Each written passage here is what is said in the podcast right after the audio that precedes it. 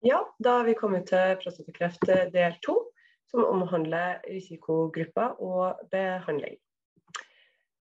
Jeg har snakka litt om risikogrupper i del ett, eh, og det snakker vi kun om når det gjelder lokal sykdom. Og Bakgrunnen for det, det er jo at eh, hvilken risikogruppe du er i, har en behandlingsmessig konsekvens. Den tabellen dere ser her, er da eh, European Association of Urologies eh, riskgruppeinndeling, som vi også bruker i Norge. Det deles da inn i eh, lavrisiko, intermediær og høyrisiko. For at det skal være en lavrisiko prostatakancer, så må det oppfylle alle disse tre kriteriene. Dvs. Si en PSA under 10, en Gleason-score under 7 eller, eh, og en eh, klinisk eh, tumorstaging på T1 til 2A. Altså at tumor ikke er større enn at det omfatter mindre enn halvdelen av den ene halvdelen av prostatalappen. For å ha intermediær risiko så trenger man bare å oppfylle én av kriteriene. Altså enten ha en PSA, PSA på 10-20, en Gleason score på 7 eller ISUP-grad 2-3, eller en klinisk T2B, altså en tumor som, eh, som eh, vokser inn i den ene halvdelen av prostatakjertelen. For å ha høy risiko så behøver man kun én av her kriteriene, altså enten en PSA over 20, Gleason score over 7, eller en klinisk T-score på T2C eller høyere, Eh, vil si at eh, tumor vokser eh, i begge leppene utover prostatas begrensning, eller inn i naboorganer. Så har vi også en inndeling i lokalisert og lokalavansert. Vi kaller det lokalavansert når tumoren er så stor at den vokser utover sin egen prostatas egen begrensning, eller inn i nærliggende organer, eller at det er lymfeknutemetastaser. Når det kommer til kurativ behandling, så har vi det som heter aktiv overvåkning. og Det er noe som tilbys pasienter med lav risikosykdom. Der man prøver egentlig å skåne dem for en behandling som gir bivirkninger. Eh, da man ikke tror at det vil utvikle seg til en mer alvorlig eh, kreftform som vil true dem på livet. Til, Man gjør det også hos eh, noen selekterte intermediære.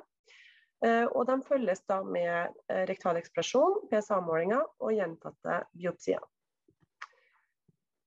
Så har vi da selvfølgelig operasjon eller prostatektomi.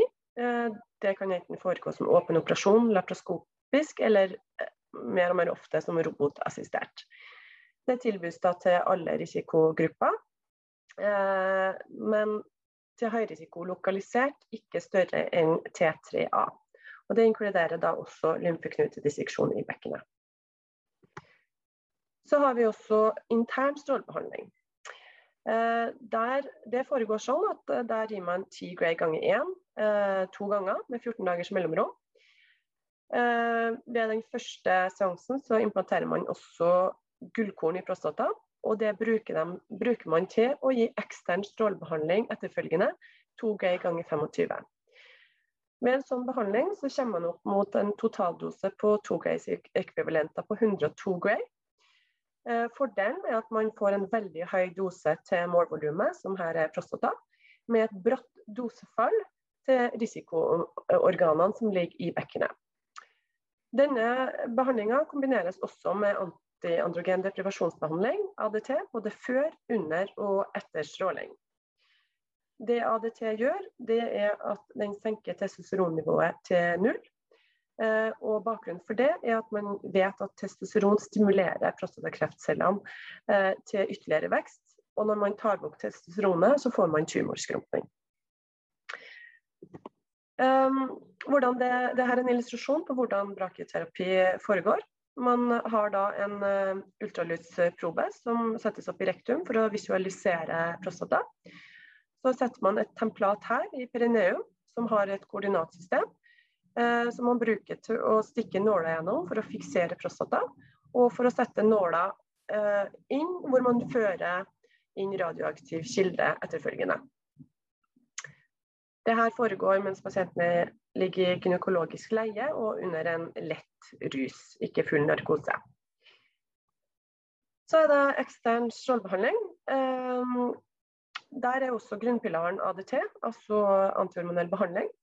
De får innsatt, Det starter de tre måneder før selve strålebehandlinga. De får gullkorn før CT og MR-planlegging. Eh, så er det også litt avhengig av hva slags risikogruppe man er, for hva slags behandling som gis. Ved lav risiko så gir man ofte 3 Gray ganger 20. Det kan man også gi ved intermediær, eller 2 Gray ganger 37 til 39. Ved høy risiko så gir man 74 til 78 Gray. Det her er um, eh, MR-bilder og CT-bilder uh, som viser inntegninger eller i hvert fall deler av inntegninga av prostata. Det her MR-bildet, er den grønne streken her, er prostata, og det her er rektum. Her har man gått litt lenger kranialt, man ser hoftekulene her. Eh, og det er litt høyere opp i prostata. På det her sagittalsnittet, CT-snittet, så ser vi inntegninga av prostata. Og den blå streken illustrerer også inntegninga av, eh, av eh, sædblærene. Det her det er blærene, og det er rektum. Og det her er et koronalsnitt som viser det samme. Det er prostata, og det er blæra. Eh, postoperativ strålebehandling det gir man ved tilbakefall etter operasjon. Eh, det ser man ofte ved en PSA som overstiger 0,2, eller at man på en MR påviser en makroskopisk tumor der hvor prostata var, eller der vesiklene var. Det er oftest 33 behandlinger, 2 Gray ganger 33, eller 2,09 Gray ganger 33 eh, hvis det er et makroskopisk residiv. Og Det er noe som kan gis mange år etter operasjon. Og Det kombineres også ofte med antihormonell behandling.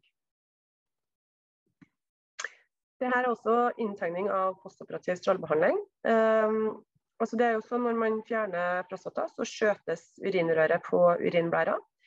Uh, og Det er jo der oftest residivene kommer. Så uh, denne gule strøken er jo det CTV vi tegner, Uh, Clinical Target Volume. For vi har jo ikke noe gross tumor volume med mindre det er en, en makroskopisk eh, tumor. Og det innbefatter da eh, blærehalsen som ligger her, samt eh, der eh, prostata ligger og der sædbærene ligger. Og så legger vi på selvfølgelig et eh, planning target volume her. Den her viser hvor langt fram vi går i forhold til blæra, og at vi går helt ut til operaturhusmuskulaturen her. Denne viser hvor langt bak vi går i forhold til rektum. Vi prøver selvfølgelig å spare rektum så mye som mulig, så det ikke får noen høy stråledose. Og Det er med henblikk på både akutte bivirkninger og senbivirkninger. Så har vi kommet til kreftretta palliativ behandling. Ehm, det er sånn at Hvis man debuterer med primærmetastatisk sykdom, så er behandlinga ADT etterfulgt av kjemoterapi docetaxel og strålebehandling to ganger 20 mot prostata. Eh, det betinger selvfølgelig at pasienten er i god form og ikke har andre sykdommer som eh, gjør at eh, han ikke kan motta den behandlinga. Alle pasienter som får palliativ behandling, får ADT. På et eller annet tidspunkt så vil man se at pasienter som går på ADT, likevel får en stigning i testosteron og, det, og en stigning i PSA, og da kalles de kastraksjonsrefraktær. Da er man nødt til å skifte behandlingsstrategi. Eh, da går man ofte over til andregenerasjons antiandrogene eh, midler, som ensalotomin og abiraterone. Radium 223 bruker man ved skjelettmetastaser. Eller man kan gjenbruke eh, docetaxel eller cabacitaxel. Så oppsummert så eh, har vi tre risikogrupper. Eh, lav, intermediær og høy. Og inndelinga har betydning for valg av behandling. Når det kommer til kurativ behandling, så ved lav risiko kan man da ha aktiv overvåkning. Man kan også ha operasjon eller strålebehandling hvis pasienten ønsker det. Ved intermediær risiko kan man i enkelte tilfeller tilby aktiv overvåkning. Ellers er det operasjon eller strålebehandling i kombinasjon med ADT. Lokalisert høyrisiko, da er det operasjon. Eh, man kan også tilby eh, både intern og ekstern strålebehandling i kombinasjon med ADT. Ved lokalavansert så er det ekstern strålebehandling. Der kan man ikke bruke intern strålebehandling i kombinasjon med ADT. Og så har vi til sist postoperativ strålebehandling i kombinasjon med ADT. Palliativt ADT er grunnpilaren. Man kan bruke antiandrogen, kjemoterapi, radium-223 eller radioterapi. Og Det var slutt på del to.